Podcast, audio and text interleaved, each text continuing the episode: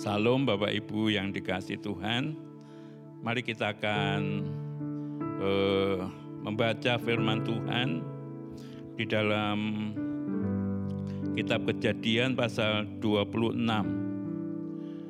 Kita akan baca mulai ayat 1 sampai dengan ayat 6 dan nanti kita lanjutkan ayat 11 atau ayat 12 dan ayat 13 dan terakhir nanti ayat 25. Demikian firman Tuhan, saya bacakan. Maka timbullah kelaparan di negeri itu. Ini bukan kelaparan yang pertama yang telah terjadi dalam zaman Abraham. Sebab itu Ishak pergi ke Girar kepada Abimelech, raja orang Filistin Lalu Tuhan menampakkan diri kepadanya serta berfirman, "Janganlah pergi ke Mesir, diamlah di negeri yang akan kukatakan kepadamu.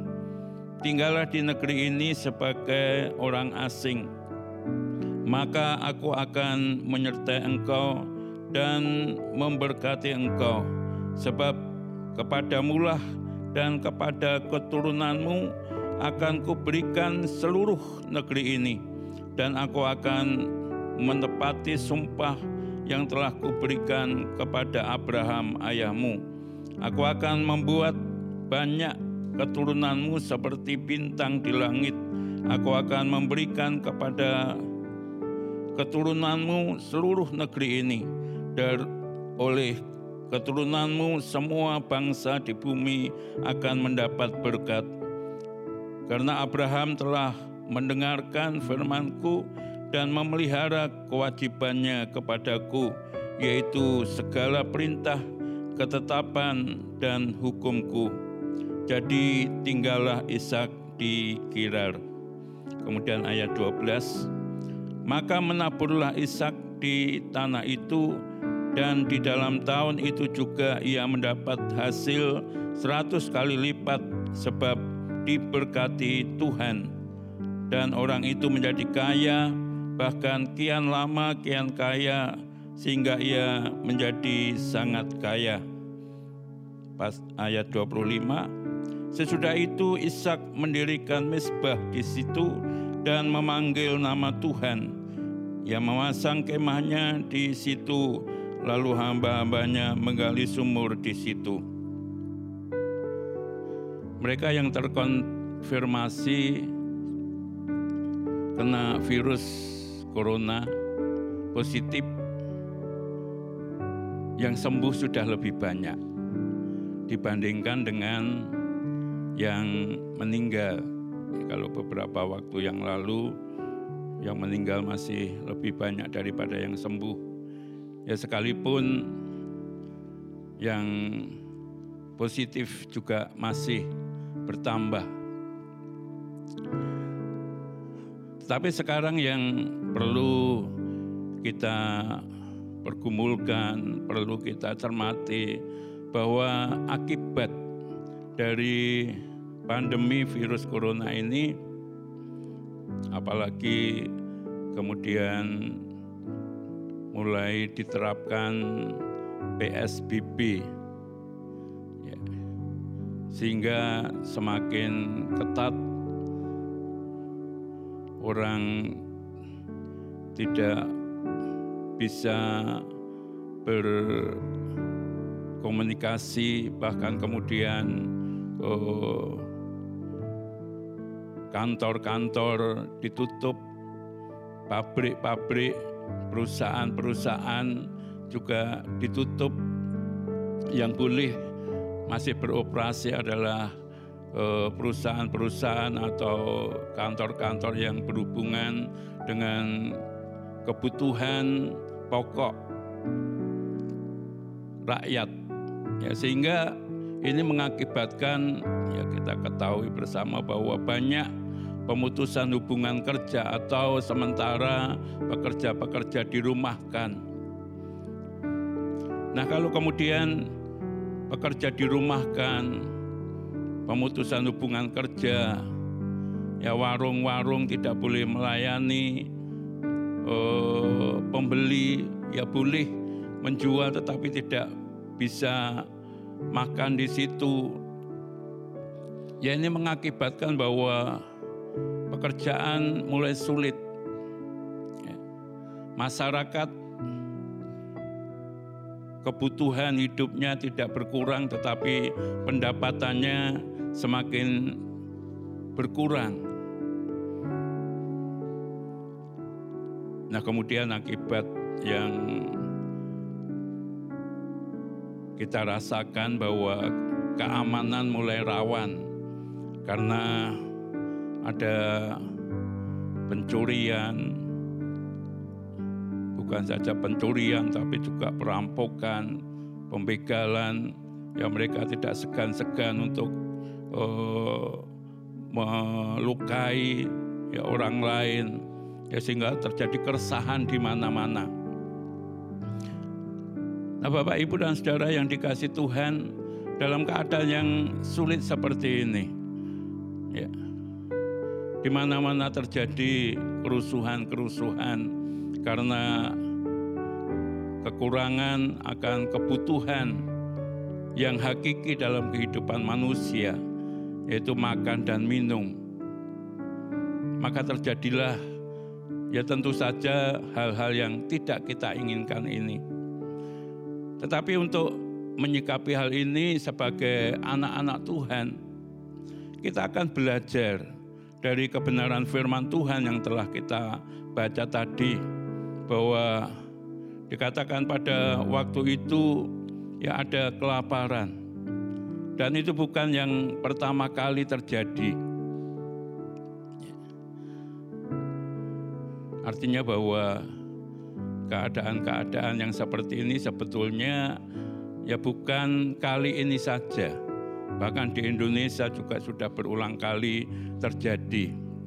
Nah, kebenaran firman Tuhan pada pagi hari ini menyatakan timbul kelaparan di negeri itu. Ini bukan kelaparan yang pertama yang telah terjadi dalam zaman Abraham. Zaman Abraham sudah terjadi, kemudian ini anaknya Ishak juga mengalami hal yang sama.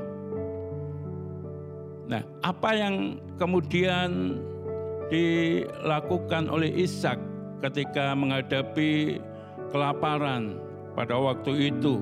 Bukan saja Ishak dan keluarganya, tetapi juga seluruh uh, negeri itu juga mengalami hal yang sama. Maka secara manusia, Ishak sebagai orang yang percaya kepada Tuhan, dia juga berpikir, ah aku akan pergi meninggalkan Kanaan. Dia berencana untuk pergi ke Mesir karena di Mesir pasti akan bisa mendapatkan apa yang dibutuhkan. Tapi pada saat itu kemudian Tuhan berfirman kepada Ishak agar supaya Ishak tidak pergi ke Mesir, tetap tinggal di Gerar karena di situlah nanti Tuhan akan memberikan pertolongan.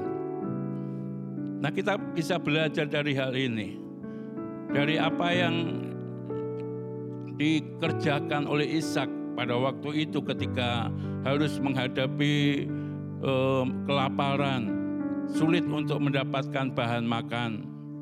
Yang dilakukan Ishak yang pertama adalah dia tetap percaya kepada Tuhan. Ketika Tuhan berkata, "Jangan tinggalkan tempat ini, tetap berada di Gerar." Sebab dari sinilah aku akan menolong engkau. Maka ayat 6 dikatakan, jadi tinggallah Ishak di Gerar. Dia tidak menuruti apa yang sedang dipikirkan.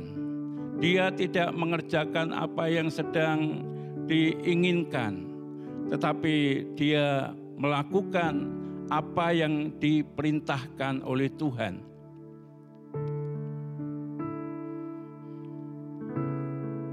Kalau kita merenungkan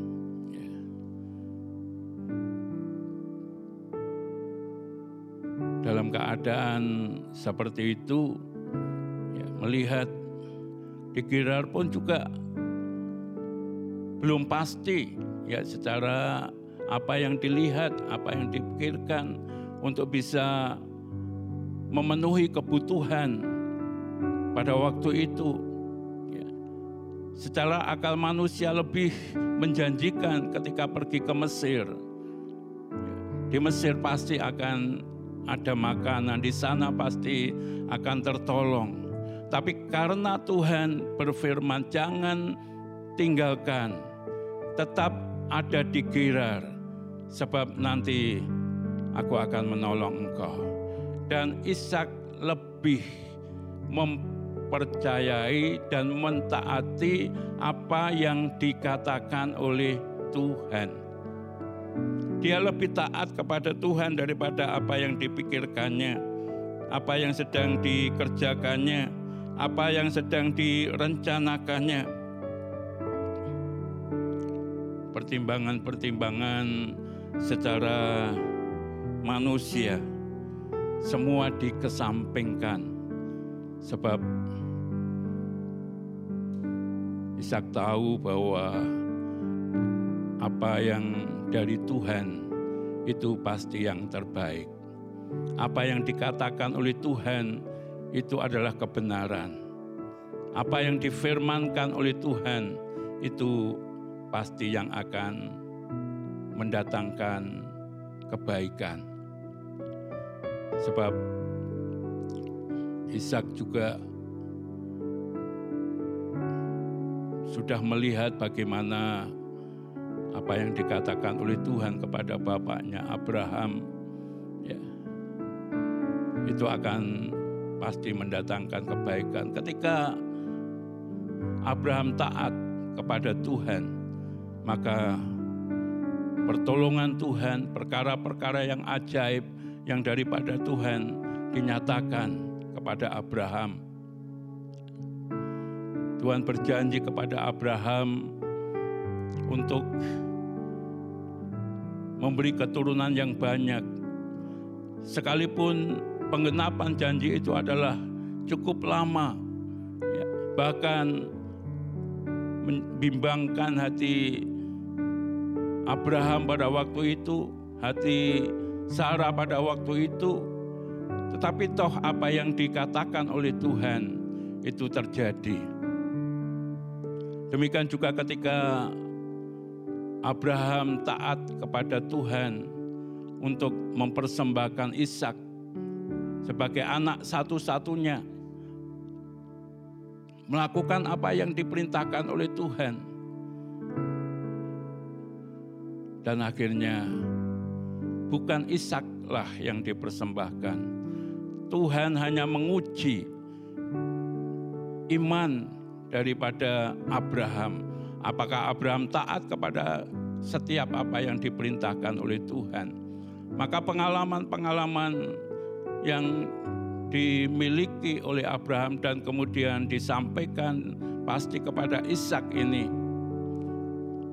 menjadi dasar di mana Ishak lebih mentaati apa yang difirmankan oleh Tuhan, lebih mentaati apa yang dikatakan oleh Tuhan. Sehingga tadi dikatakan dengan jelas ayat yang ke-6, jadi tinggallah Ishak di Gerar seperti apa yang diperintahkan oleh Tuhan. Itu yang pertama ketika kita diperhadapkan dengan masa-masa yang sulit, masa-masa yang sukar seperti ini, yang perlu bagi kita adalah kita senantiasa hidup taat. Taat kepada Tuhan, taat kepada setiap kebenaran-kebenaran firman-Nya sekalipun itu bertentangan dengan akal pikiran manusia. Tetapi yang perlu bagi kita adalah mentaati setiap apa yang diperintahkan oleh Tuhan. Sebagaimana yang dilakukan oleh Abraham. Ya. Ketika taat, pasti akan mendatangkan kebaikan-kebaikan. Ya. Kuasa Tuhan dinyatakan, perkara-perkara yang ajaib yang daripada Tuhan pasti akan dinyatakan.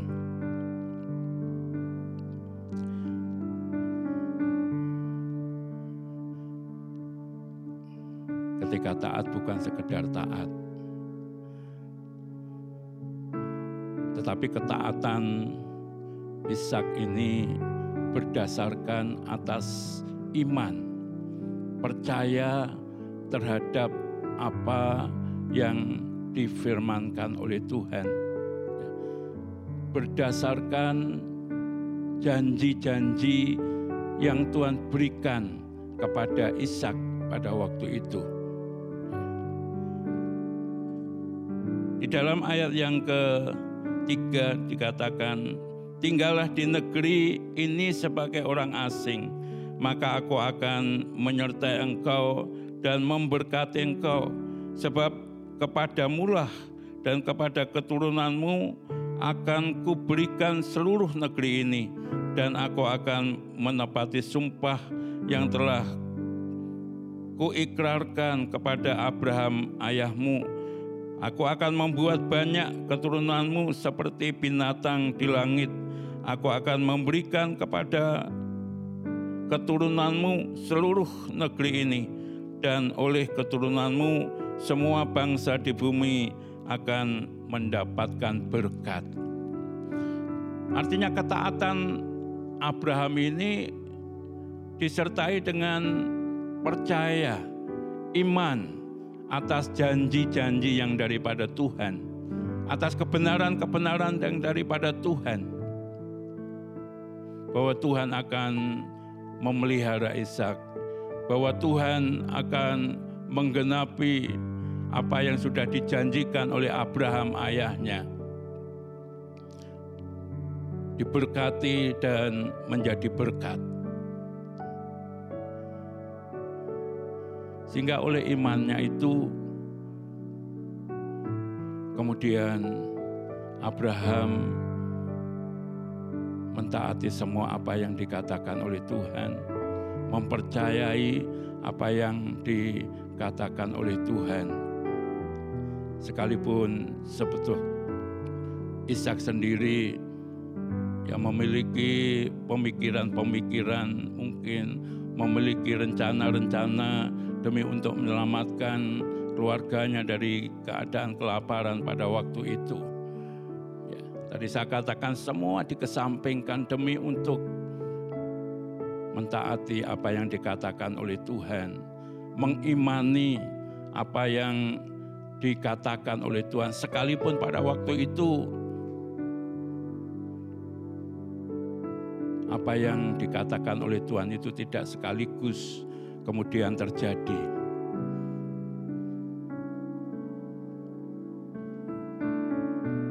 Tapi itulah yang dilakukan oleh Ishak Kalau kita membaca di dalam kitab Amsal pasal yang ketiga ayat yang kelima. Di sana juga dikatakan percayalah kepada Tuhan dengan segenap hatimu dan janganlah bersandar kepada pengertianmu sendiri. Akuilah dia dalam segala lakumu, maka ia akan meluruskan jalanmu. Janganlah engkau menganggap dirimu sendiri bijak, takutlah akan Tuhan dan jauhilah kejahatan. Itulah yang akan menyembuhkan tubuhmu dan menyegarkan tulang-tulangmu.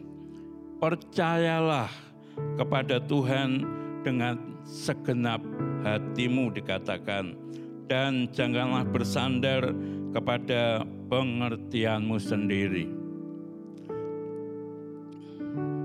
Ishak tidak bersandar kepada pengertiannya sendiri, tetapi Ishak percaya kepada Tuhan dengan segenap hatinya. Bahwa apa yang dikatakan Tuhan pasti akan terjadi, bahwa apa yang dikatakan Tuhan pasti akan digenapi, bahwa Tuhan pasti akan menolong, bahwa Tuhan pasti akan memberkati, bahwa Tuhan pasti akan mencukupkan semua apa yang dibutuhkan di dalam hidupnya.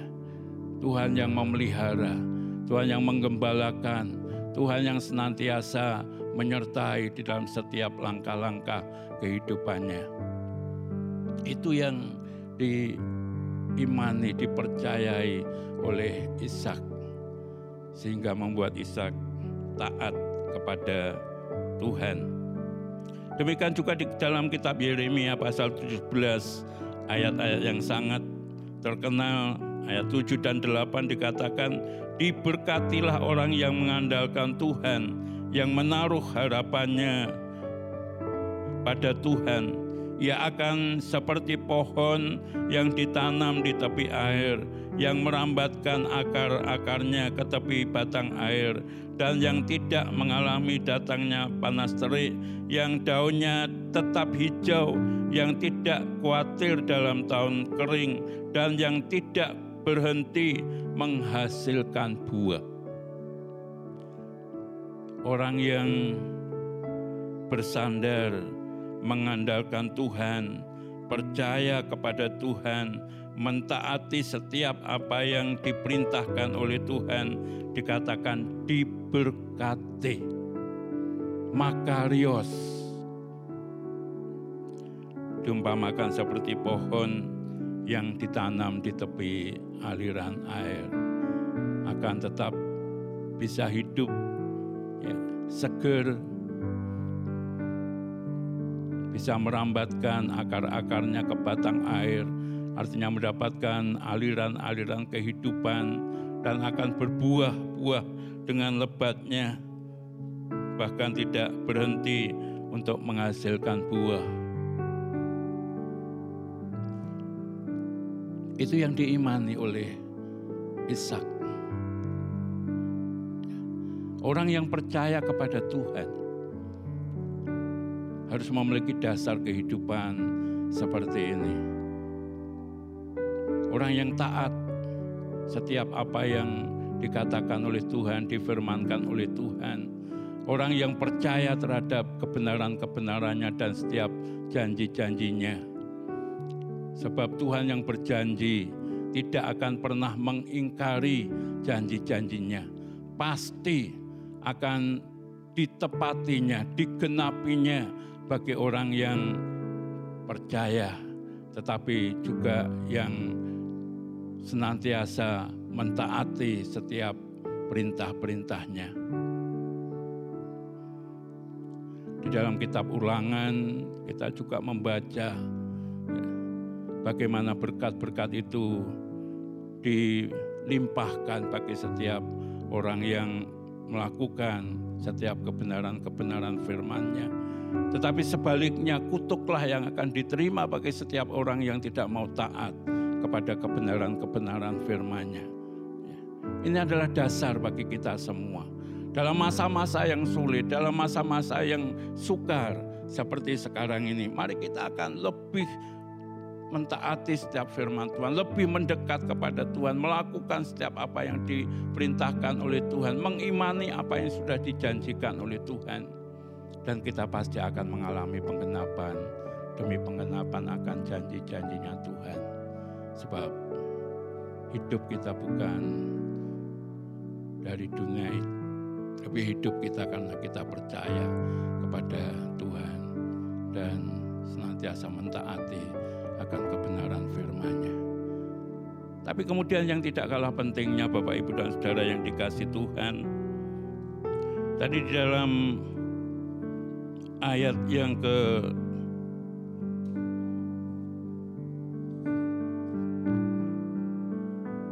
dua belas dari kejadian pasal 26 dikatakan maka menaburlah Ishak di tanah itu dan dalam tahun itu juga ia mendapat hasil seratus kali lipat sebab ia diberkati Tuhan.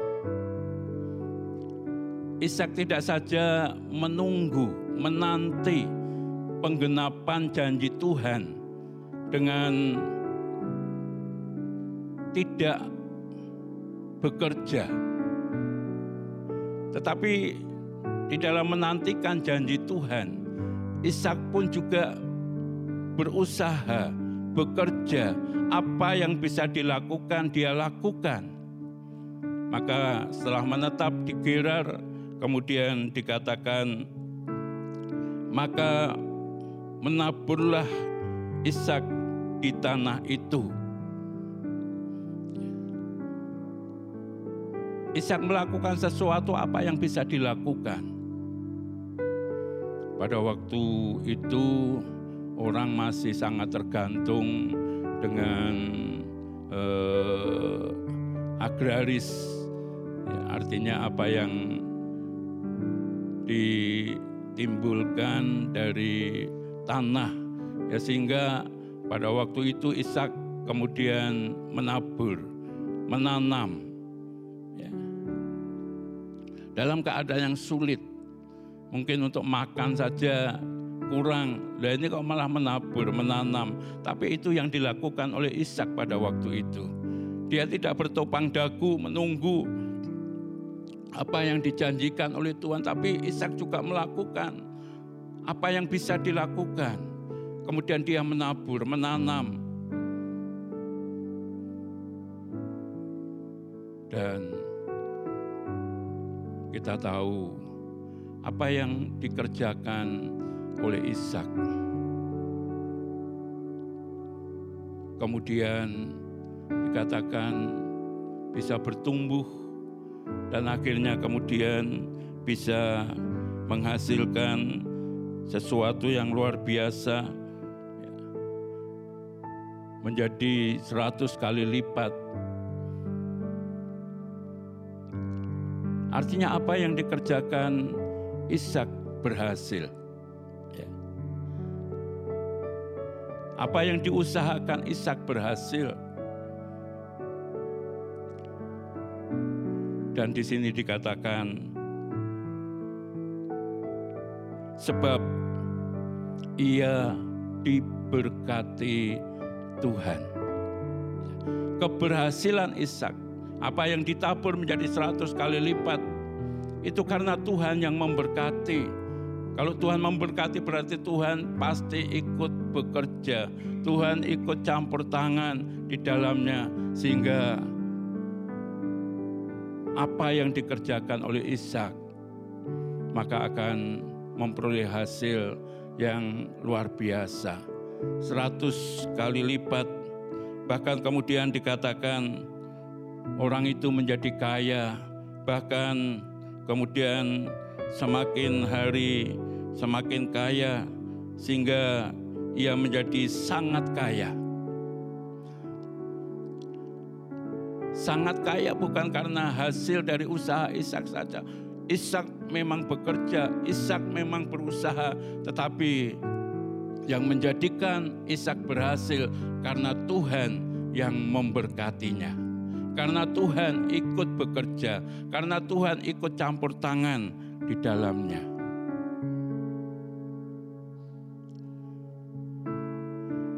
Seringkali orang salah di dalam memahami. Aku sudah percaya kepada Tuhan, aku sudah pegang janji Tuhan, tinggal tunggu saja waktunya Tuhan. Bagaimana Tuhan nanti akan memberkati? Tidak. Tapi apa yang dilakukan oleh Ishak ketika dia mentaati apa yang dikatakan oleh Tuhan tidak meninggalkan Gerar tetap ada di Gerar ya dia pegang teguh janji Tuhan tapi dia juga bekerja berusaha ya dia menabur dia menanam dan apa yang dikerjakan oleh Ishak itulah yang menjadi sarana di mana Tuhan memberkati.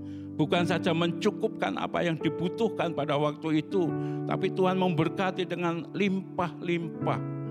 Semakin hari semakin kaya bahkan akhirnya menjadi kaya raya luar biasa. Tidak lepas dari apa yang dikerjakan Ishak, tetapi juga tidak lepas dari campur tangan Tuhan. Boleh dikatakan ada kerjasama di antara Ishak dan Tuhan. Ketika Ishak melakukan apa yang menjadi bagiannya, maka Tuhan melakukan bagiannya dengan dahsyat dan luar biasa. Itu yang terjadi dan terus akan terjadi di dalam setiap kehidupan kita anak-anak Tuhan yang percaya kepadanya. Ketika seorang janda nabi ya, kekurangan bahkan untuk membayar utang-utangnya sudah kehabisan.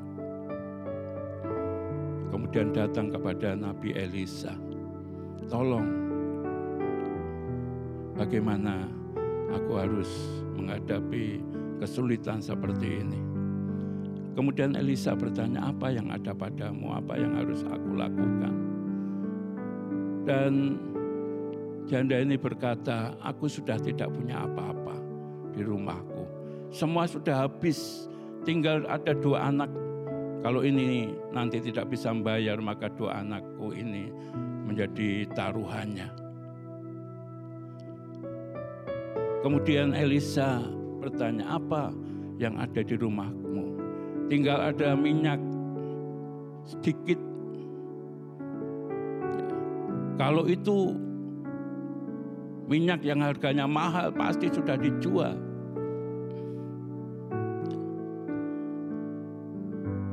Tapi ibu ini menganggap bahwa minyak itu sudah tidak ada artinya apa-apa. Tapi kita tahu bahwa melalui minyak yang sedikit itu, kemudian Tuhan menjadikan sarana di mana semua kesulitannya bisa teratasi dan masih bisa hidup dari kelebihan minyak yang di dalam Tuhan menjadi saran di mana kuasa Tuhan dinyatakan dan mujizat Tuhan terjadi.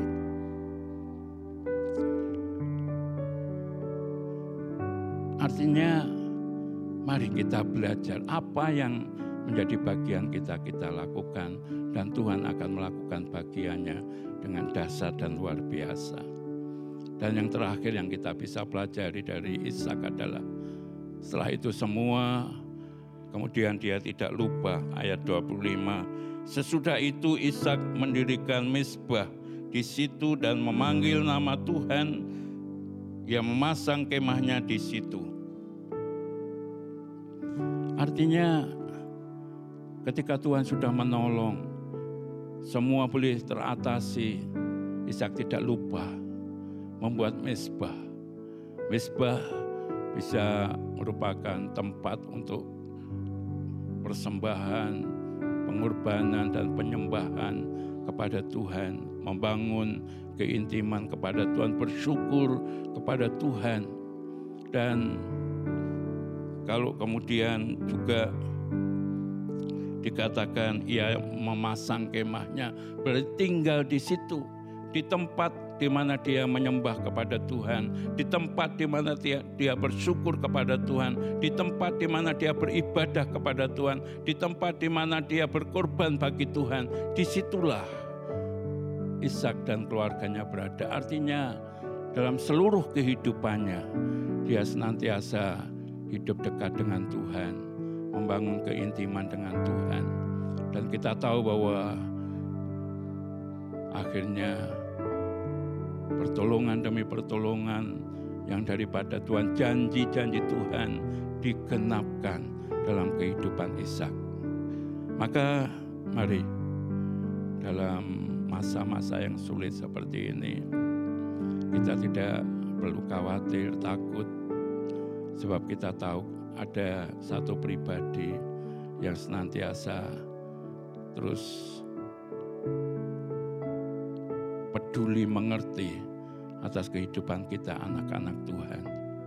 Yang perlu bagi kita mari kita hidup taat kepada Tuhan. Memiliki iman, keyakinan bahwa janji Tuhan, kebenaran firman Tuhan pasti digenapi dan kita melakukan apa yang menjadi bagian kita. Dan Tuhan pasti melakukan bagiannya dengan dasar dan luar biasa. Dan kita tetap